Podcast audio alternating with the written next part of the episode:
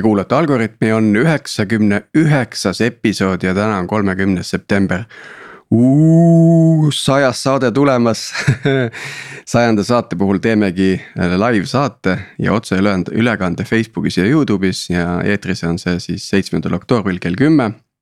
kohaks on literaat koguneme üheksa kolmkümmend, koha peale muidugi ei mahu palju inimesi, kakskümmend viis, kolmkümmend inimest et sellega äh, tasub olla kiire äh, ennast sinna registreerima.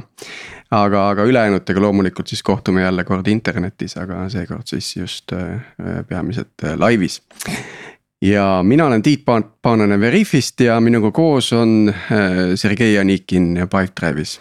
tere kõigile. kahekesi. Pole ammu siin saates käinud.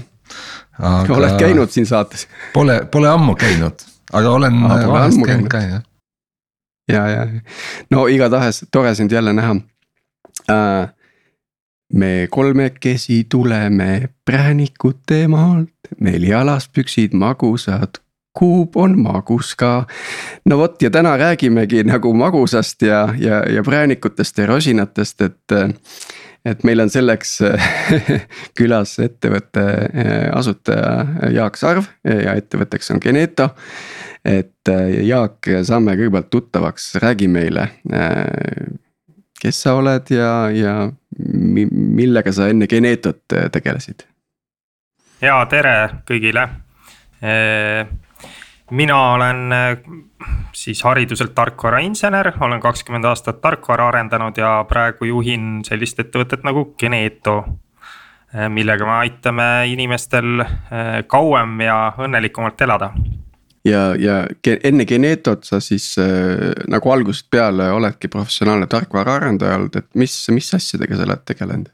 Äh, ja tegelikult ma ülikooli läksin alguses füüsikat õppima. Äh, aga kuskil teisel kursusel juba läksin, äh, läksin tarkvaraarendajana tööle sellisesse toredasse ettevõttesse nagu Microlink süsteemid. ja, ja nemad olid just müünud vabariigi valitsusele hunniku servereid ja sülearvuteid, et äh, saada lahti paberipakkidest laua peal. ja siis avastati, et sinna juurde on tarkvara ka vaja ja siis äh, oi, meil Tartus on just ühed tudengid tööle võetud, et paneme nemad programmeerima ja. ja, ja siis äh, minu kõige esimeseks tööks oligi kõige Eesti esimese e-valitsuse programmeerimine ja kus oli kõik alates dokumendihaldusest kuni projektoriga seinale näidatavate äh, hääletustulemusteni. ja, ja seal tegime, tegime Ajaxit ajal, kui Ajax polnud veel leiutatud. päris lahe ja, ja siis pärast Microlinki, mis sinna vahele veel jäi, enne kui Genetosse otsaga jõudsid?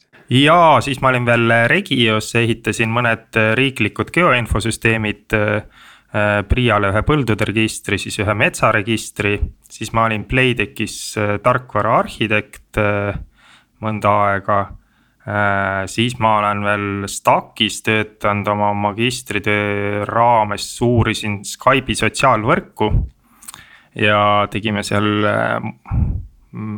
ennustasime seal ette, et äh, ütle, ütle mulle, kes on su sõbrad ja milliseid tasulisi teenuseid nemad kasutavad ja me ütleme sulle, milliseid tasulisi teenuseid sina hakkad kasutama. Äh, ja siis äh, üks eelmine startup oli mul Transferfast, Transferfast, et seal tegime kiireid rahaülekandeid natukene Transferwise'i eeskujul ja aga kuna SEPA kiirmakse lahendas selle asja ära, siis meil sai äri otsa, me püüdsime pivot ida Bitcoini peale, meil isegi olid mingid päris huvitavad ideed, aga ei suutnud kuidagi investoritele seda ideed maha müüa, aga hiljem, hiljem nad muidugi ütlesid, et ai poisid, te olite mingi õige soone peal, aga noh, nagu, nagu täitsa ei suutnud ise ka välja mõelda, et mis asi see täpselt on sepaga tuleb meelde, et kui sepa maksed tulid, siis eestlaste jaoks läksid maksed ju hoopis aeglasemaks tegelikult et see oli nagu, mis toimub, aga nüüd vist on see teatud piirini, need välkmaksed on ju uuesti taastatud. jah, jah, et nüüd on nagu normaalseks läinud, aga sel hetkel jah, et äh, kui me seda tegema hakkasime, siis nagu tunduski, et Eestis ju probleemi ei ole, aga mujal maailmas oli. ülejäänud Euroopas oli see probleem oli ikkagi endiselt mm. väga suur Mm -hmm. aga, aga jah, regulatsioon jõudis meist ette ja otsustati, otsustati üle-euroopaliselt see asi ära lahendada ja siis meil kadus äri ära mm,. just, nii, aga lähmegi Neto juurde, et Jaak, et miks sa pidid selle ettevõtte tegema? see ühtepidi on äh, lihtsalt juhus ja kokkusattuminus ja teistpidi on äh, minu isikliku probleemi lahendamine. et äh, neli aastat tagasi ma just noh, nagu tarkvaraarendajad ikka, istutasin mugava tooli peal ja päev otsa arvuti taga siis ja trenni natuke jääb väheks ja võib-olla ei söö ka kõige õigemini ja siis niiviisi see kehakaal, kehakaal vaikselt tõuseb ja neli aastat tagasi oli nagu selline olukord, kus ma kaalusin üle saja kilo. Äh, see on, ütleme peaaegu kakskümmend kilo rohkem kui praegu. ja, ja ma otsustasin just äh, endal selle asja käsile võtta ja elumuutuse teha. Ja samal ajal ma otsisin ka mingit uut väljakutset, et mida teha. Ja siis ma rääkisin hea sõbra Priit Salumaaga Moongascade'ist ja siis Priit ütles, et kuule, aga tule meile, et me hakkame just ehitama geeniteadusel põhinevat äh, toitumis- ja liikumisäppi. ja siis ma ütlesin, et noh, et see, see on nagu täpselt see asi, mida mul praegu vaja on, et ühtepidi lahendab mu isiklikku probleemi, teistpidi väga huvitav valdkond, äh, geeniteadus, et Eestis on geenivaramu pikalt äh, pikalt toimetanud ja Eestis on geeniteadus väga kõrgel tasemel ja, ja mis veel mind sealjuures intrigeeris, on see, et tänapäeva geeniteadus ei ole ju enam laboriteadus, vaid on puhas andmeteadus. Et, et, et kõik need suured andmed, need panid kohe silmad särama ja, ja eks ma siis üpris ruttu ütlesin sellele pakkumisele jah ja, ja algusest peale seal juures olnud mm. -hmm nojah, sul oli see stack'is saadud äh, andmete kogemus ka all, eks ju, et see oli ka kindlasti. kindlasti huvitav, huvitav äh, moment, aga nüüd äh, jaa, see on nagu, ma mõtlen startup'i peale, no mis on mu, mis on mu võimalused, eks ju, on, on see, et ma olen ise tehniline, on ju. a la Mark Zuckerberg on ju kirjutan ka otsast lõpuni kõik ise algusest välja äh, lõpuni, et äh, või siis ma võtan mingi ettevõtte appi, eks ju, või ma, või, või ma palkan need inimesed, et, et sinul õnnestus nagu Moon Cascade'iga äh, alustada koos, et. et räägi natuke seda, et kuidas see nagu välja näeb, et kui sul on selline kuidagi lähedal seisev arenduspartner, et mm. -hmm, mm -hmm. E, tegelikult meil ongi jah, sihukene natukene teistmoodi startup Eh, mis sai alguse sellest, et eh, said kokku hoopis kaks ettevõtet, said kokku Moongascade ja Sportgene, et Moongascade teeb hästi äh, tarkvaraarendust äh,. kaasa arvatud mobiiliäppe ja teistpidi Sportgene tegi geeniteste, siiamaani teevad ja, ja siis äh, mõte oligi need kaks asja kokku panna ja ja niiviisi me seda tegema hakkasime ja siis oligi, et äh, kuna äh, mina olin küll seal tehnilise juhina ja arendajana ise tiimis, aga ülejäänud tiim oli meil Moongascade'ist outsource itud. ja selle plussid olid see, et me saime seda koormust üpris paindlikult suurendada, vähendada, kui vaja, kohe leidsime disaineri kui vaja oli mingit muud äh, know-how'd, siis see oli olemas, süssadminid äh, äh,. noh, keda sul iganes vaja on ja me istusime ka Moongascade'i kontoris päris mitmeid aastaid. nii et see oli sihukene hästi äh,, hästi mugav ja hästi toimiv koostöö ma nüüd ei taha päris finantsdetailidesse minna, aga kas, kas sellist koostööd on ka võimalik nagu kuidagi Ehm, nii-öelda finantseerida läbi sellise mm, ütleme optsioonide või osaluse, et, et, et ütleme, et startup'il kohe nagu hinge kinni ei võta, et. või, või saad sa natuke valgust heita, et kuidas teil see on sätitud üles? Äh, no meil kindlasti Moongasgate, kuna ta oli ise investeerinud ka äh, meisse, siis äh, siis tegi ka natukene sõbralikuma hinna, kui ta võib-olla oleks teinud teisele ettevõttele, kes tänavalt tuleb äh, kohe hinda küsima. Äh, et, et see oli nagu ütleme, see üks see mudeli osa. Mm., aga meil otseselt jah, sellist, mm, sellist diili ei olnud, ma tean, et tehakse küll selliseid diile ka, et. kus suur tarkvaraettevõte võtab siis, teeb tasuta tööd ja võtab hoopis osalust ettevõttes, noh nagu kaudselt oli, aga meil oli see siis täitsa juba rahalise investeeringuna oli ettevõttes sees ja siis arveldamine, arveldasime lõpuks ikkagi tunde. ma küsiks Jaak äkki, et kaua, kaua te olete Genetot juba arendanud? me oleme Genetot arendanud, no sa, olemegi nüüd ikka üle nelja aasta. neli aastat ja, ja kuhu te olete jõudnud, et äh, teil on valmis nii-öelda rakendus, teil on kasutajad, kuidas, kuidas see praegu toimib mm? -hmm, mm -hmm. et äh, meil on sellel, meie teenusel on nagu kaks poolt. et me ühtepidi oleme toitumise liikumise äpp ja teistpidi me oleme geenitesti pakkuja. ja me oma klientidele teemegi geenitesti, saadame neile süljetuubi koju. Äh, nad saadavad meile selle makstud vastusega tagasi ja siis laseme selle laborist läbi ja sealt pealt äh, tänapäeval on selline tehnoloogia nagu genotüpiseerimistehnoloogia, millega me siis loeme seitsesada tuhat geenimarkerit sealt süljeproovist ja see on sihukene hästi hea hinna-kvaliteedi suhtega, et, et kallim tehnoloogia oleks täisgenoomi sekveneerimine. Äh, kus me kõik äh, kolm miljardit markerit ära loeksime.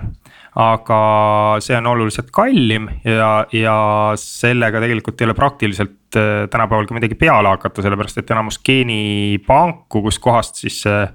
kust need mudelid tulevad, nagu meil geenivaramust ja UK biopangast et eh, need kasutavad ka seda genotüpiseerimistehnoloogiat. ja, ja lisaks on see ka veel, et eh, me siin omavahel kolmekesi oleme kõik eh, geneetiliselt üheksakümmend üheksa koma üheksa protsenti sarnased ja me oleme isegi šimpansiga oleme üheksakümmend üheksa protsenti sarnased. et noh, see üpris, üpris mõttetu on kõike seda üheksakümmend üheksat koma üheksat protsenti sisse skaneerida, kui sa tegelikult on oluline ainult see, et mis meie vahel äh, erinevat on mm.. kuule Jaak, aga ma mäletan, siin oli ah, poolteist aastat tagasi vist üleskutse, et tule anna verd ja saad geenidoonoriks ja nii edasi, eks ju. et, äh, et ma tegin ka seda ja, aga nüüd võiks olla ju võimalus, et ma võtan selle seitsesada tuhat markerit ja annan lihtsalt sulle noh. nagu, mis on juba nii-öelda ära tehtud minu, minu jaoks, eks ju. jah, jah tegelikult me tegeleme selle poolega ka, et noh, ühtepidi siis, et sa hakkasid geenidoonoriks ja see on siis panus eelkõige teadusele, et see teadus ise areneks. ja siis see teadus areneb, selle teadustulemused lähevad siis ühtepidi riiklikku meditsiinisüsteemi ja lähevad seal kasutatavaks. aga noh, riigi, riigi sees asjad teatavasti võtavad päris palju aega ja noh, siin pilootprojekte on tehtud, aga siin võib-olla järgmine, ülejärgmine aasta jõuavad äh, esimesed asjad perearstide töölauale. ja ka nüüd teine pool on ju, et kus see teadus äh, siis praktiliselt kasutatavaks muutub, ongi läbi eraettevõtete.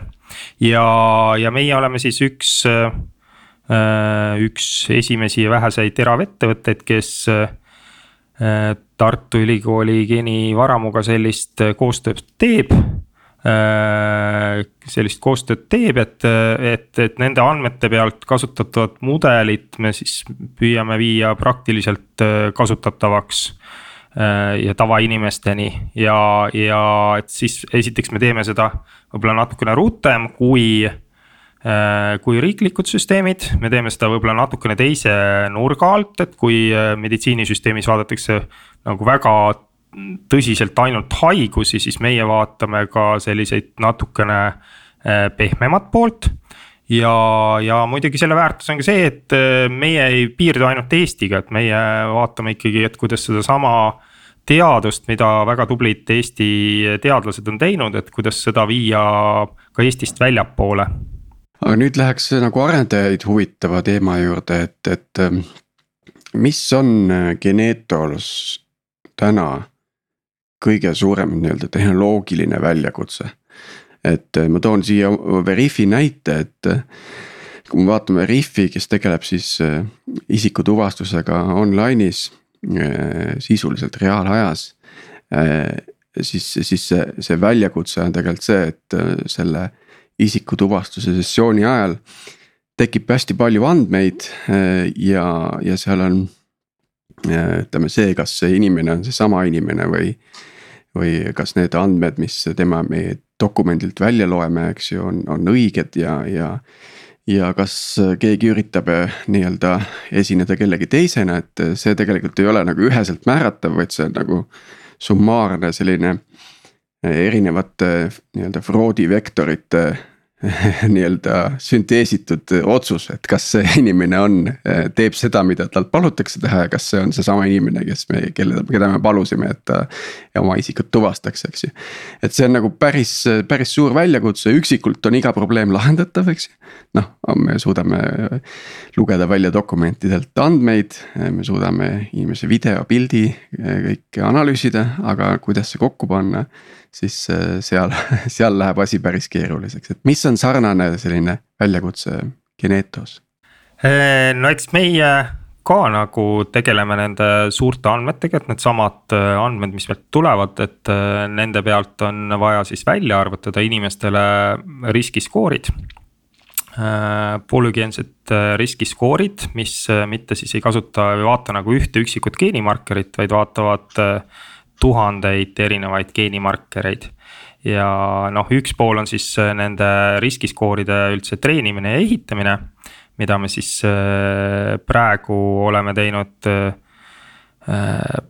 geenivaramu ehk Tartu Üli, Ülikooli gene-, genoomika instituudi abiga ja kasutades siis UK Biopanga ja ja Eesti geenivaramu andmeid ja siis noh, teine pool on siis äh, nende samade algoritmide äh, mudelite, mis sealt on ehitatud, nende siis rakendamine päris elus, et me siis nüüd lõppkliendile arvutame neid asju välja.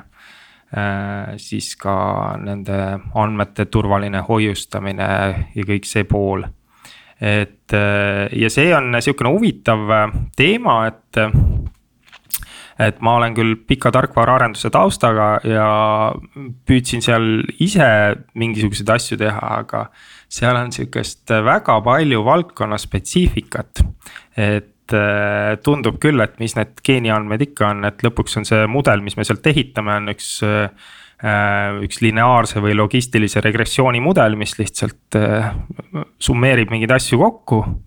igal geenil on üks kaal ja noh, liidame need kokku ja mis seal ikka ei ole aga seal on niukest hästi palju mingeid peennüansse ikkagi, et mis versiooniga mingid stranding'u probleemid, midagi on puudu, mis me siis teeme, siis on sellised tehnoloogiad nagu imputeerimine, millega siis äh, puuduvaid geenimarkereid äh, puuduvaid geenimarkereid arvutatakse välja kõrval olevate geenimarkerite pealt. Äh, et selliseid, selliseid huvitavaid väljakutseid ja, ja seal on seal on siis suureks abiks, kui on tiimis on olemas bioinformaatik, et meil, meil nüüd on, nüüd on olemas, nüüd saame natukene rutem äh, liikuda nende asjadega ka edasi. räägi natuke andmemahtudest äkki, et, et ühel inimesel on mitu markerit?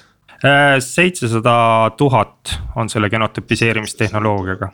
ja marker on, kui, kui suur see nii-öelda info suurus on ühe markeri kohta, kui palju teil infot on? no see, see marker on tegelikult lihtsalt äh, noh tähed niiviisi, et, äh, et ta ei ole päris üks-null, ta on, äh, ta on, seal on, seal on neli tähte, mida saab kasutada, on need A, G, C, T-d on ju. mis tegelikult väljendavad teatud keem-, keemilisi ühendeid seal, seal, seal DNA sees ja, ja, ja siis äh, igas positsioonis on sul siis äh, kaks alleeli on ju, et kas sul on seal AA või on mingi AT või on, äh, või on TT. või on hoopis seal GC, GG, CC et see on siis üks, üks positsioon, noh, tegelikult seal on natuke keerukusi veel, et seal geenide sees võivad veel mingid asjad kaduma minna, vahel topelt olla, et ta on sihukene, tegelikult see? Inimese DNA on ka ju üks suur programm lihtsalt, mis ütleb, et äh, millised me oleme ja iga kord pannakse see programm käima jälle, kui mõnda rakku paljundada on vaja ja, ja. ja, ja kui te äh, saate need markerid kätte, kust te, kust te neid saate tegelikult, kas see on äh, mingisugune seade? kes nii-öelda vilistab teile need tähed kusjuures see on päris äh, sihuke lahe, äh, lahe seade, mida seal laboris kasutatakse. see on sihuke kiibitehnoloogia, et ta põhimõtteliselt lahus, lõhutakse see DNA kuidagi ära, seal midagi paljundatakse ja siis äh, pannakse ta sihukese džipi peale, öeldakse džipi tehnoloogia. mis põhimõtteliselt näeb välja, kui sa nagu kaugelt vaatad, see on nagu, nagu CD-plaat välja, et kui sihukene. vaatad valguse käest, siis on ilusat vikerkaare värvi ja siis äh, Äh, siis pannakse see, need DNA jupid sinna peale ja ja siis pildistatakse ühe masinaga sisse ja siis sealt omakorda veel on kõvasti andmetöötlust. aga see on äh, nagu kõik laboris suhteliselt ära standardiseeritud tänapäeval. et meie kasutame ise, kasutamegi Tartu Ülikooli laborit, aga me oleme ära testinud ka ühe Taani labori ja noh, neid laboreid on üle maailma palju ja see on nagu suhteliselt standardiseeritud ja siis me saamegi lihtsalt lõpuks sealt ühe andmefaili, kus on inimese kohta äh, seitsesada äh, tuhat, siis äh, sihukest jah äh,, tähepaari on seal sees. kas, äh, kas see on txt fail või, või, või mis äh,? ja me me kasutame Blingi formaati, aga põhimõtteliselt annab teeks teha ja igasuguseid erinevaid äh, formaate on veel. et, äh, et noh, näiteks ongi mingi twenty three and me annab sulle välja, kui sa oled seal teinud äh, geenitesti, siis annabki sulle txt failina välja need tulemused. ja siis te loete need kuskile andmebaasi? Jah, siis me, me andmebaasi ei loe, et me nagu arvutamegi otse selle faili pealt tulemusi välja mäletan mingi X aastat tagasi tegin seal kakskümmend kolm and viis selle testi ja siis mulle anti igasugust infot ja siis keerati kõik jälle kinni uuesti. et eh, kuidagi nagu, ma ei tea, mis seal oli, mingisugune juriidiline probleem vist nende andmetega, et. et kuidas sul täna ähm, noh, see juriidiline setup on, et äh, kas need andmed on minu omad, kas need on sinu omad andmed on ja, andmed on äh, ikkagi inimese enda omad Euroopa Liidus GDPR-i järgi. Ja on võimalik need välja küsida ja on võimalik ka, kui sa oled geenivaramu geenidoonor, on ka võimalik neilt välja küsida. ja siis äh, noh, see on ka üks äh, track, millega me eraldi tegeleme, et nüüd kõik need kakssada tuhat geenidoonorit. et need saaksid tulla meie teenust kasutama ilma, et nad peaksid uut geenitesti tegema, et hetkel mm. me teeme veel neile täiesti uue geenitesti, aga noh, mõnes mõttes on see ressursside raiskamine et, et mis me, mis me seda uut testi teeme, kui me võiksime neid samu andmeid kasutada. ja seal, seal meil on praegu on mõned tehnilised probleemid lahenda-, lahendamisel, aga põhimõtteliselt mingi hetk hakkame seda ka pakkuma. huvitav, kas seal nad siis teevad teile mingi API või? no tegelikult äh, on seal riiklikult plaanis ka teha üks eraldi äh, arvutuskeskkond, kuhu meiesugused äh, ettevõtted saaksid äh, nii-öelda panna oma siis need mudelid, mille järgi mingeid tulemusi arvutada, panna nende ütleme serverisse või pilve siis üles.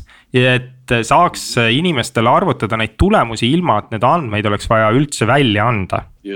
jah, et äh, selline plaan on seal ka, hetkel äh, äh, sinna läheb veel jällegi paar aastat aega, et hetkel lahendus on ikkagi see, et see, need andmed välja küsida ja, ja siis nendega teise teenuspakkuja juurde tulla masinõppes on see andmete märgendamine, leebeldamine, noteerimine on nagu suur teema, et.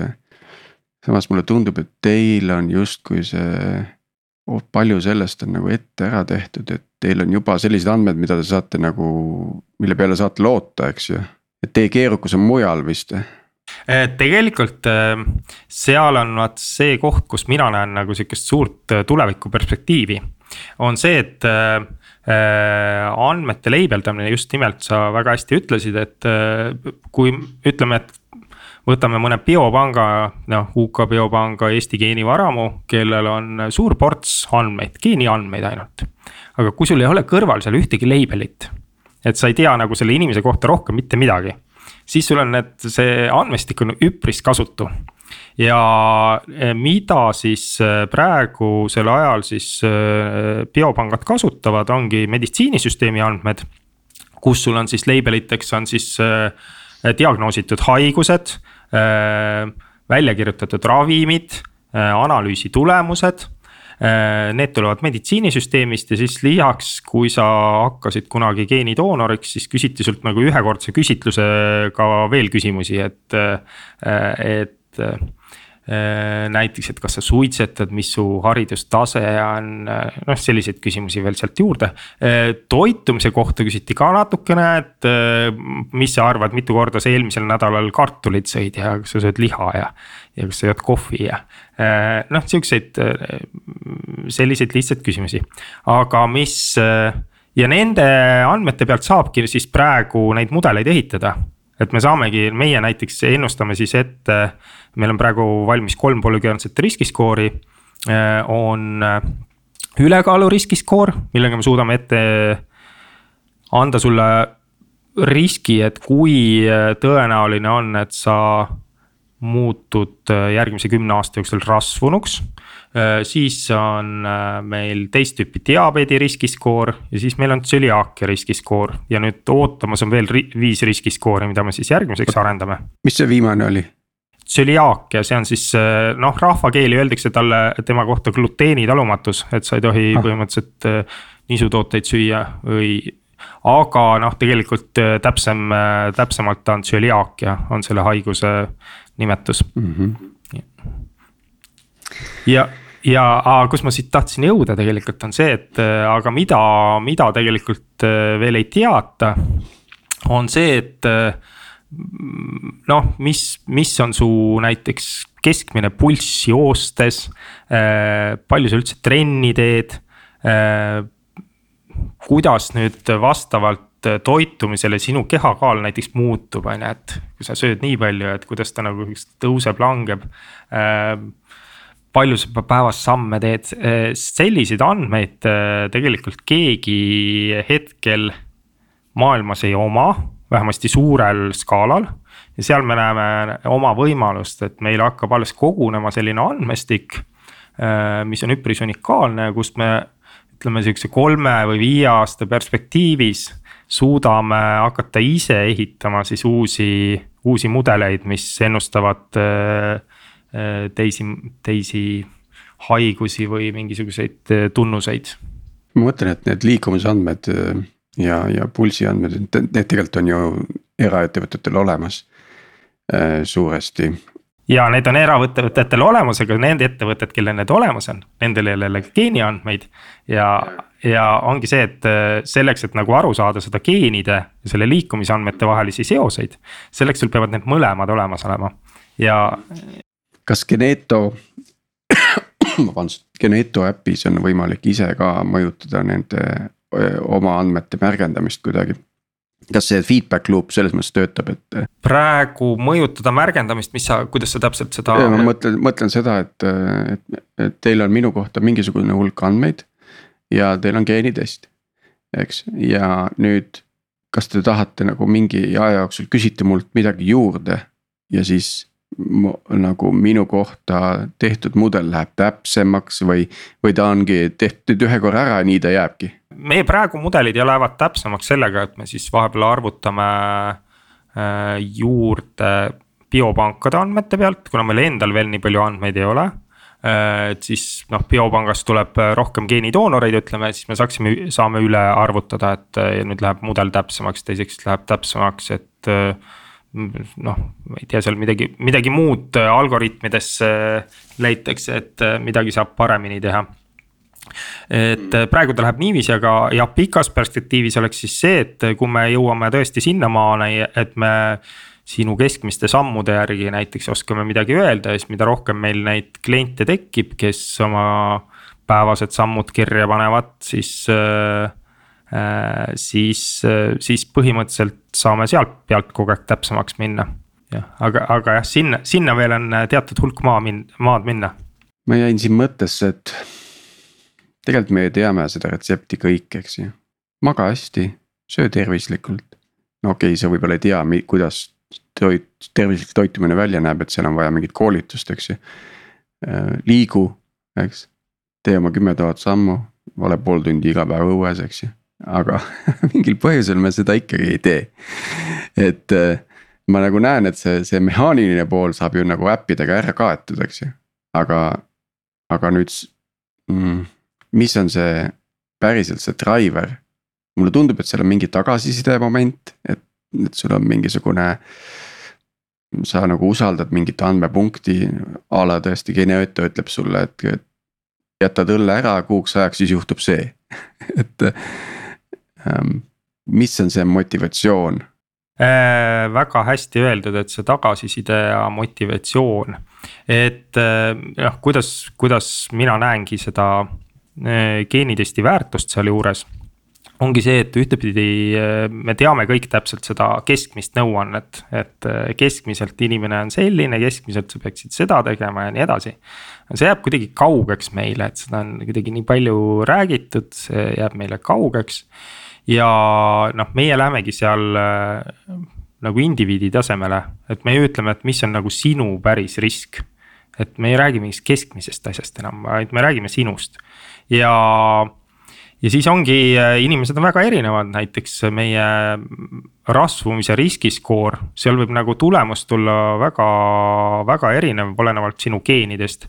et äh, ähm, tooks näite, et ta nagu vanusega niikuinii suureneb, aga näiteks, et kui sul on geneetiliselt väga-väga madal äh, rasvumisrisk, siis viiekümne aastaselt äh, äh, võib-olla see risk võib-olla viis protsenti rasvuda siis minu arust see oli kümne aasta jooksul. ja samas, kui sul on väga-väga kõrge geneetiline risk, siis on see eh, tõenäosus nelikümmend viis protsenti, ehk see vahe on peaaegu kümnekordne, et noh, et kas viiskümmend. Eh, noh, nelikümmend viis protsenti versus viis protsenti ja see kuskil seal seitsmekümne aasta peale tõusis veel niiviisi, et siis, siis hakkas tõusma ka sellel äh, väga Äh, madala geneetilise riskiga grupil tõusis kahekümne protsendi peale ja väga kõrge geneetilise riskiga grupil oli seitsekümmend viis protsenti. Niiviisi, et ta on niisugune juba kaheksakümmend, kakskümmend enam-vähem on ju, et, et, et kummal pool sa oled ja, ja siis see ütleb nagu sinu kohta, annab sulle nagu seda personaalset tagasisidet, et, et kes sa oled, sa saad iseendast paremini aru ja see annab sulle Äh, ka motivatsiooni selle asjaga tegeleda, et eriti näiteks noh, kui me nagu rasvumisest räägime. noh, siis äh, noh, seda sa saad kaalu pealt ise ka vaadata. Et kus sa oled, aga ta nagu ennustab ka sulle seda tulevikku, et kui sa samamoodi jätkad, on ju, et kuhu, kuhu sa siis äh, lähed selle trajektoori peal. aga noh, võib-olla olulisem on veel vaadata selliseid haigusi nagu teist tüüpi diabeet mm,. mille siis risk samuti sõltub väga palju geneetikast ja, ja samas see on äh, meie enda kätes. et, et kui me võtame ikkagi oma elustiili kontrolli alla, söö toitume tervislikult, liigume piisavalt. siis me praktiliselt viime selle riski nulli, isegi kui ta geneetiliselt on näiteks väga-väga kõrge. siis me elustiiliga saame ris-, viia selle riski peaaegu nulli vaataks nüüd korra uuesti arendaja pilguga Genetele otsa, et, et sul oli nagu. Ma saan aru, suht puhas leht, kui alustasid, et, et kuidas sa selle stack'i kokku panid, et, et mis seal on ja miks just sellised valikud mm? -hmm, mm -hmm. et meil on siis äh, eespool on siis kaks mobiiliäppi. Äh, Androidi ja iOS-i native äpid ja peangi siit korra spikerdama, mis mulle arendaja kirjutas, ma vahepeal juba unustan ära. et no seal midagi, midagi nagu väga imeerilist ei ole, et äh,. ma ei tea, iOS-i peal on seal MVVM arhitektuur ja, ja Androidi peal MVP ja siis äh, et Androidis on RX Java ja mingi coin ja ruumi andmebaas ja ja iOS-is on Realmi andmebaas ja. et äh, ma ei tea, mobiiliarendajatele midagi ütlevad, mina ise mobiiliarendaja ei ole niiviisi, et äh, ma ei oska seal öelda. Äh, kas need on, kui huvitavad ja põnevad valikud need on? palju seal seadmes tehakse versus serveris? ja vaat, mis meil võib-olla ongi meie puhul, mis otsuse me alguses tegime mis on nagu teistmoodi paljudest teistest äppidest, on see, et me kasutame äh, local andmebaasi äh, hästi palju ja me oleme põhimõtteliselt äh, sihuke üheksakümmend protsenti äpist on äh, offline äh, support'iga. niiviisi, et ta nagu ühtepidi annab sulle nagu selle võimaluse, et sa ka aeglase interneti tingimustes kuskil keldris tahad oma toitu kirja panna. siis saad seda endiselt teha, aga ta nagu üleüldiselt muudab selle äpi hästi kiireks ja mugavalt kasutatavaks jah, et see võib-olla on see, mis me teistmoodi tegime, millega on seotud hästi paljud väljakutsed. Äh, et ta tundub nagu sihuke, noh, et ta on teinud selle äpi oluliselt keerukamaks. aga jälle teistpidi äh, kasutajasõbralikumaks. mis see suurus on iOS-i äpil megabaitides? ma peast ei oska öelda, aga mis me seal pidime tegema, ongi see, et äh, me ei pane seda andmebaasi, mis sealt algselt kaasa läheb. ei pane kohe äpiga kaasa, vaid ehitasime täiesti sihukese eraldi äh, preloaded äh, database ehitamissüsteemi. kus me testkeskkonnas seal automaatselt ehitame valmis terve andmebaasi, ühesõnaga serverist API-st küsime andmed. aga noh, kui sa hakkaks nüüd küsima live andmebaasist või tähendab äh, äpis kohe neid andmeid, meil on juba. no meil on niiviisi, et meil on toite kuskil andmebaasis kakskümmend tuhat. Äh, seal on nii tooted, retseptid, toiduained et äh, kui me neid hakkaks kõik üle API küsima, siis me noh, esiteks hakkame seda serverit koormama, teiseks see võtab nagu ilmatuma aja, et kõik need päringud ära teha. siis me olemegi ehitanud nagu sellise süsteemi, et äh, me ehitame serveris juba terve andmebaasi, local andmebaasi valmis. ja tõmmatakse siis see local andmebaas ühe failina alla ja pannakse plaksti sinna äppi sisse. niiviisi, et seal on nagu mingi seisuga on äh, kõik andmed olemas. et siukse, sellised huvitavad uued väljakutsed ja selle kohta, selle me pidime nagu täitsa äh, nullist ehitama, et siukseid valmis lahendusi või et keegi oleks nagu väga mõelnud selle peale, et kuidas seda teha, et seda vähemasti sel hetkel, kui me tegime, ette ei tulnud. mul kogu aeg äh, oli üks äh, küsimus ikkagi tagasi nende geenide juurde, et, et kas neid, kas need muutuvad ajas? see osa geenidest, mida meie vaatame see ei muutu ajas. seal geenide juures on, äh, seal lõpus on äh, sihuke pool nagu epigeneetika, kus, äh, kus, kus teatud osad muutuvad ajas, aga üldiselt see põhiosa geenidest, see ei muutu ajas. Nad võivad muutuda mingites noh, üksikutes rakkudes, et ongi kuskil vähirakkudes hakkab toimuma teatud muteerumine aga, aga see proov, mis meie võtame, see on, äh, see on sünnist surmani sama hmm.. sest äh, äh, selline teooria, et, et kui sa äh, oled tervislikku eluviisi nii-öelda harrastanud, et siis äh, noh.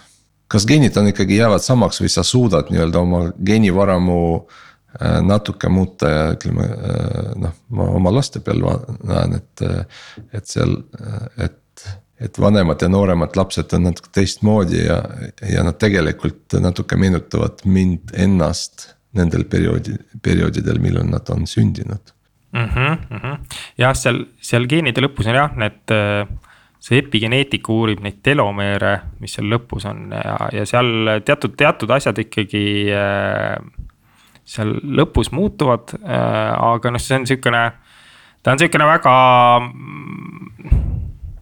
It, et ma ei ole väga äh, sügavuti sinna läinud, ma ise ei ole tegelikult geneetiku haridusega, niiviisi, et võib-olla ajan nagu totaalselt äh, pada siin, kui mõni äh, geneetik juhtub saadet kuulama. kuule, me kõik oleme tänapäeval väga kõvad geneetikud ja telomeeride pikkuse mõõtjad, et nagu see ei ole mingi probleem tänapäeval. E, et äh,. no las ta olla, aga. seda mingil määral nagu see kogu keskkond ja kõik see mõjutab, aga, aga otseselt see põhiosa meie genoomist ei muutu.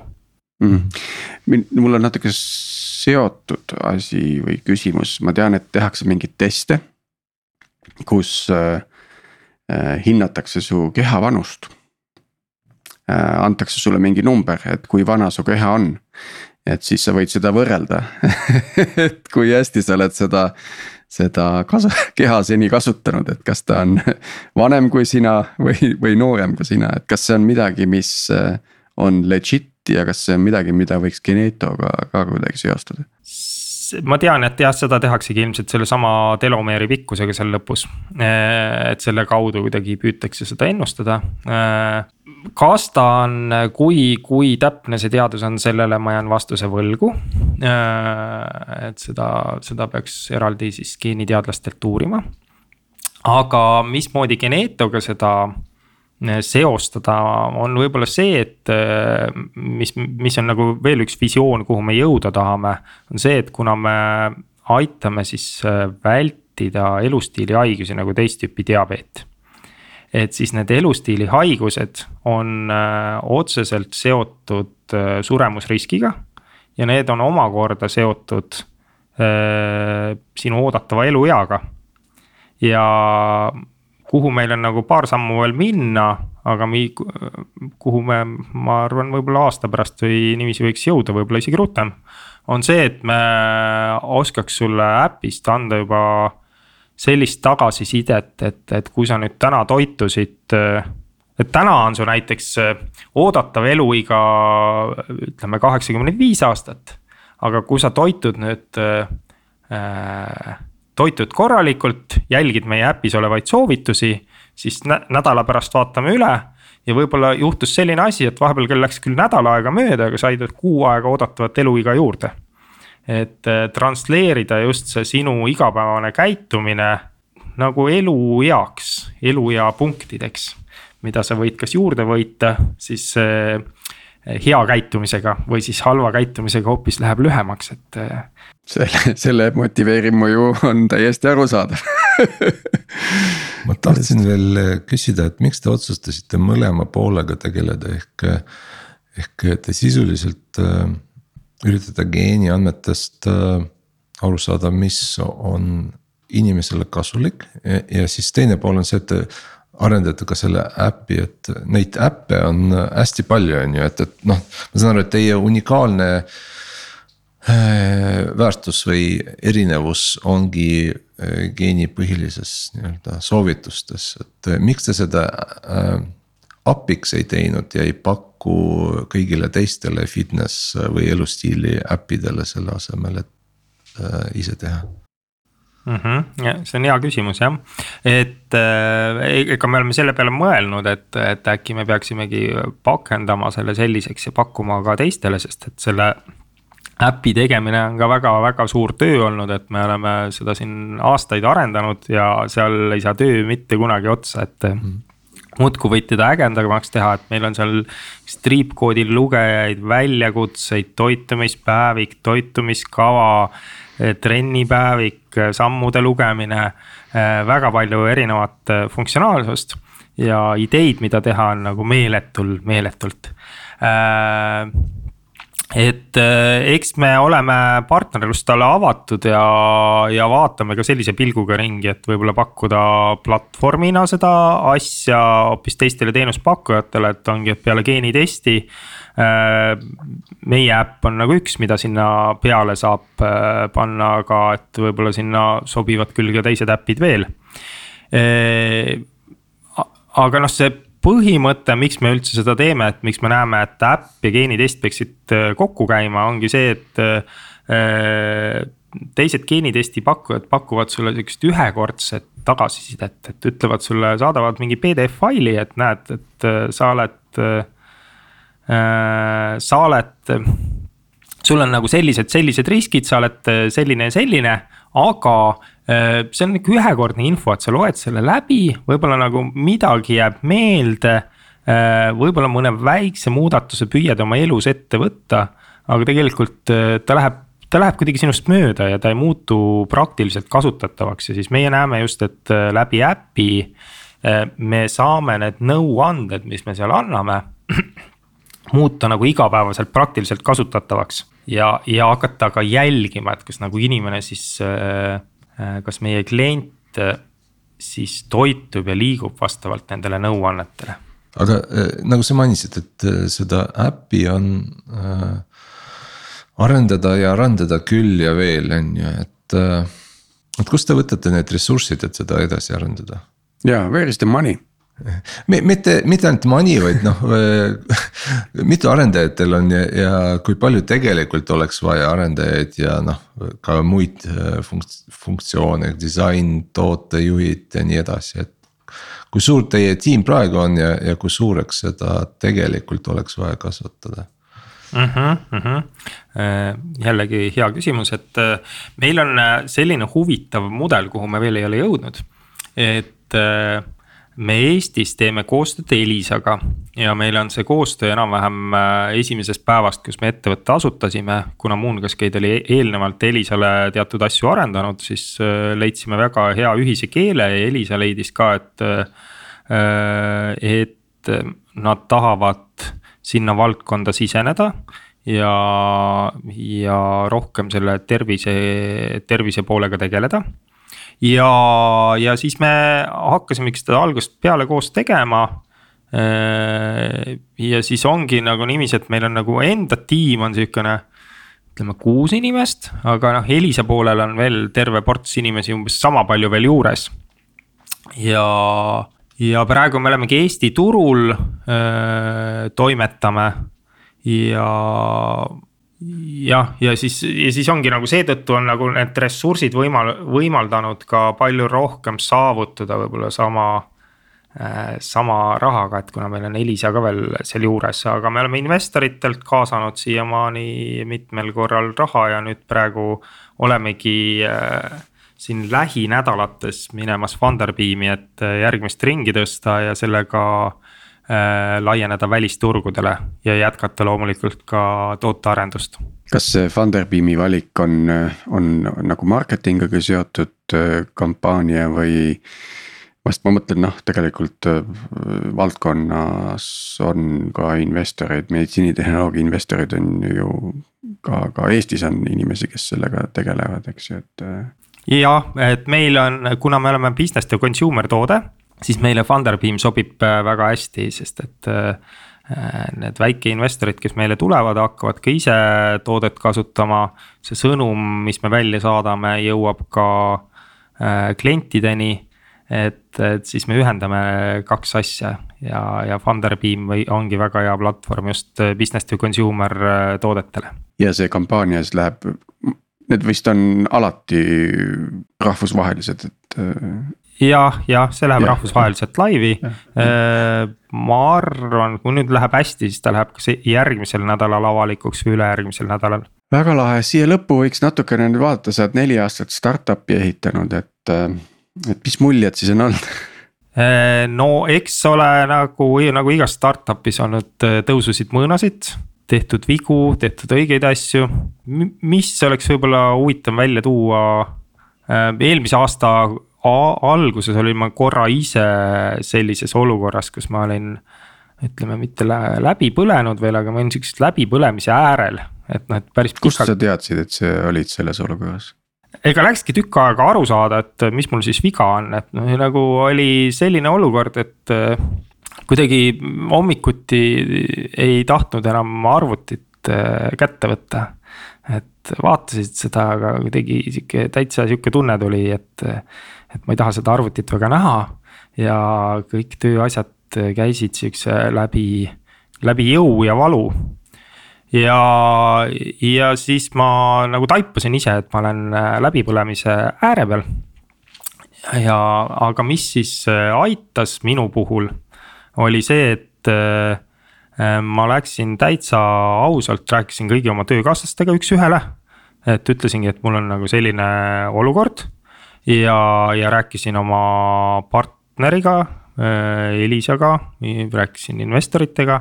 ja ütlesingi, et näed, mul on selline olukord ja et ma tühistan kõik oma antud lubadused ja ma hetkel olen sellises kohas, et ma ühtegi uut lubadust ei anna ja ma arvasin, et selle peale nagu inimesed saavad pahaseks või kuidagi noh, et mis mõttes, et kuidas sa niiviisi saad teha.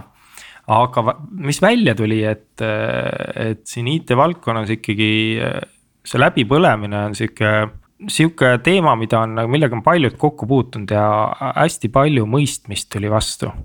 ja see mõistmine võib-olla oligi see, mis minule andis jõudu.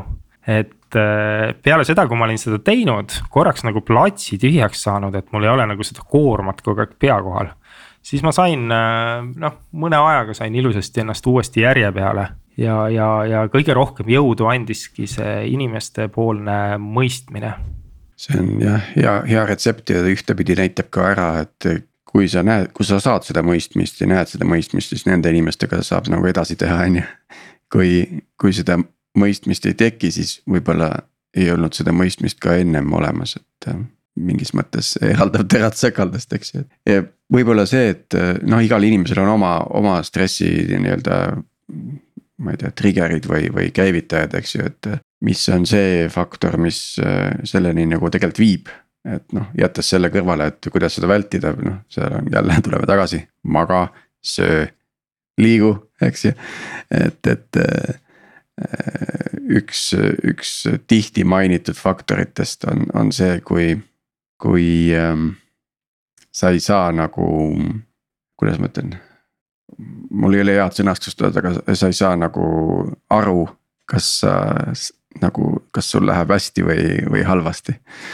et, et keegi ei anna sulle seda tagasisidet ka, eks ju. et, et see on nagu see koht, kus see eh, stress võib nagu kiiresti kasvada, et kui sa oled sellises um, ebaselges olukorras, et. et kui nagu probleemid on selged, siis ei, ei tegelikult väga palju muret, on ju. aga kui ei tea, kui palju probleeme on või kui suured need on, eks ju, et siis. siis see on võib-olla see koht, kus just tööl see läbipõlemine kiiresti kipub tulema. jah, või hakkad nagu keskenduma liiga palju nendele probleemsetele kohtadele ja unustad ära, kui palju tegelikult on äh, arengut, kui palju on häid asju ja nii edasi. et siis ma sellest ajast saati püüan sellise rakendada sellist tänulikkust ja panen nagu kogu aeg kirja, et mis nüüd tehtud sai jälle ja kus me nagu oleme. ja mis ja mis see meie nagu suur eesmärk on. ja need annavad kogu aeg jõudu edasiminekuks. Mida sul on Algorütmi kuulajatele eh, veel öelda, pakkuda? Eh? ja, et kindlasti Algorütmi kuulajate seas on ka samasuguseid äh, arendajaid äh, nagu mina olin neli aastat tagasi, kes on äh, natuke kimpus oma ülekaaluga. et siis ma teeksin sellise üleskutse, et, et võtame ennast koos käsile ja otsige üles App Store'ist elustiili äpp. et Eesti turul me olemegi koos Elisega siis brändi all elustiil, pange see peale ja, ja sooduskoodiga algorütm saab siis, saab siis ka kolmkümmend protsenti soodsamalt selle äpi. ülikõva ja see on siis Ü-ga, mitte Y-ga jah, ma sain aru, et saade on meil algoritm Ü-ga. saade on ja meil on rütmiline, rütmiline saade, väga lahe see on, see on hea ja aitäh kasutan ise kindlasti seda võimalust. et, et eh, olin küll varem kuulnud eh, sellest elustiili äpist, aga, aga kuidagi. võib-olla see, et ma olen, ei ole Elisa klient natukene rolli mänginud, et, et natuke vähem sellist nähtavust nagu minu suunas eh, seda ei tasu karta, see sobib nii Tele2 kui Teli klientidele, et see on lihtsalt nagu eraldi teenus ja, ja ma ise ütlen, et tegelikult see just äh, sihukene kaalu langetamine, hästi süstemaatiline tegevus, see tegelikult äh, tarkvaraarendajatele sobib jube hästi. et, et sa paned ennast kirja, et äh, mis sa söönud oled või teed siis toitumiskava järgi toitu. see on tegelikult tarkvaraarendajal on tegelikult väga lihtne kaalust alla võtta, et et see on kuidagi sihuke hästi süstemaatiline tegevus. võib-olla lõppu siis selline küsimus sulle, Jaak, et kas sa tahad vastata küsimusele, mida ma ei ole veel küsinud?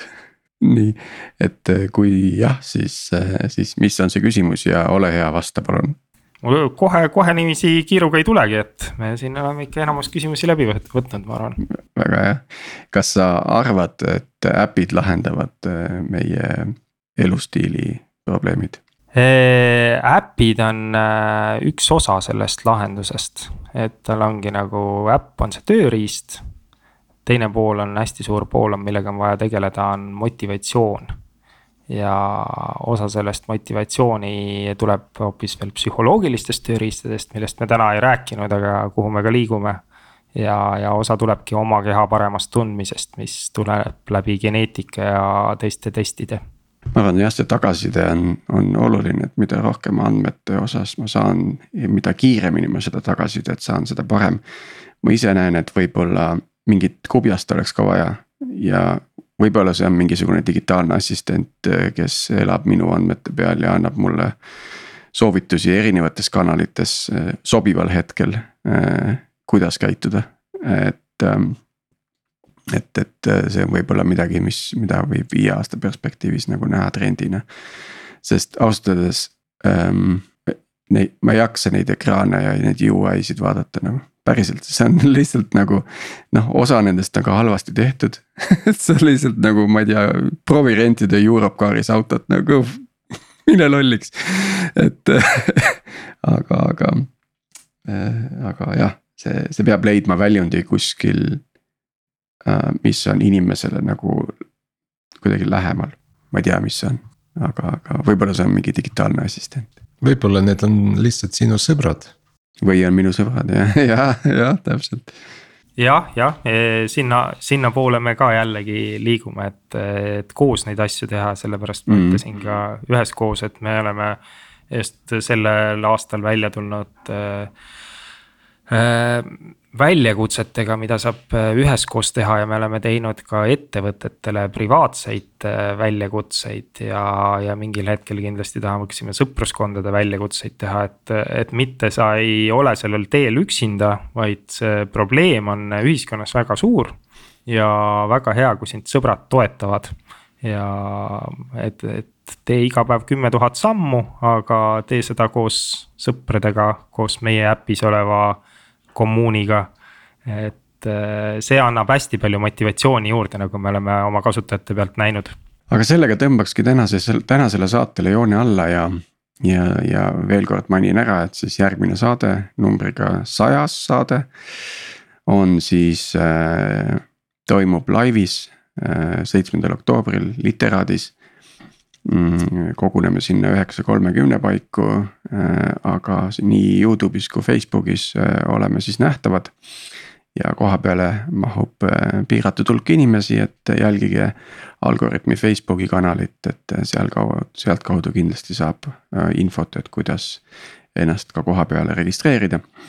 ja aitäh, Jaak ja aitäh kõigile kuulajatele, aitäh, Sergei, et vedasid jälle saadet minuga koos ja kuulme siin siis juba järgmisel nädalal ja seal peaks olema siis äh, kogu Algorütmi tiim kohal.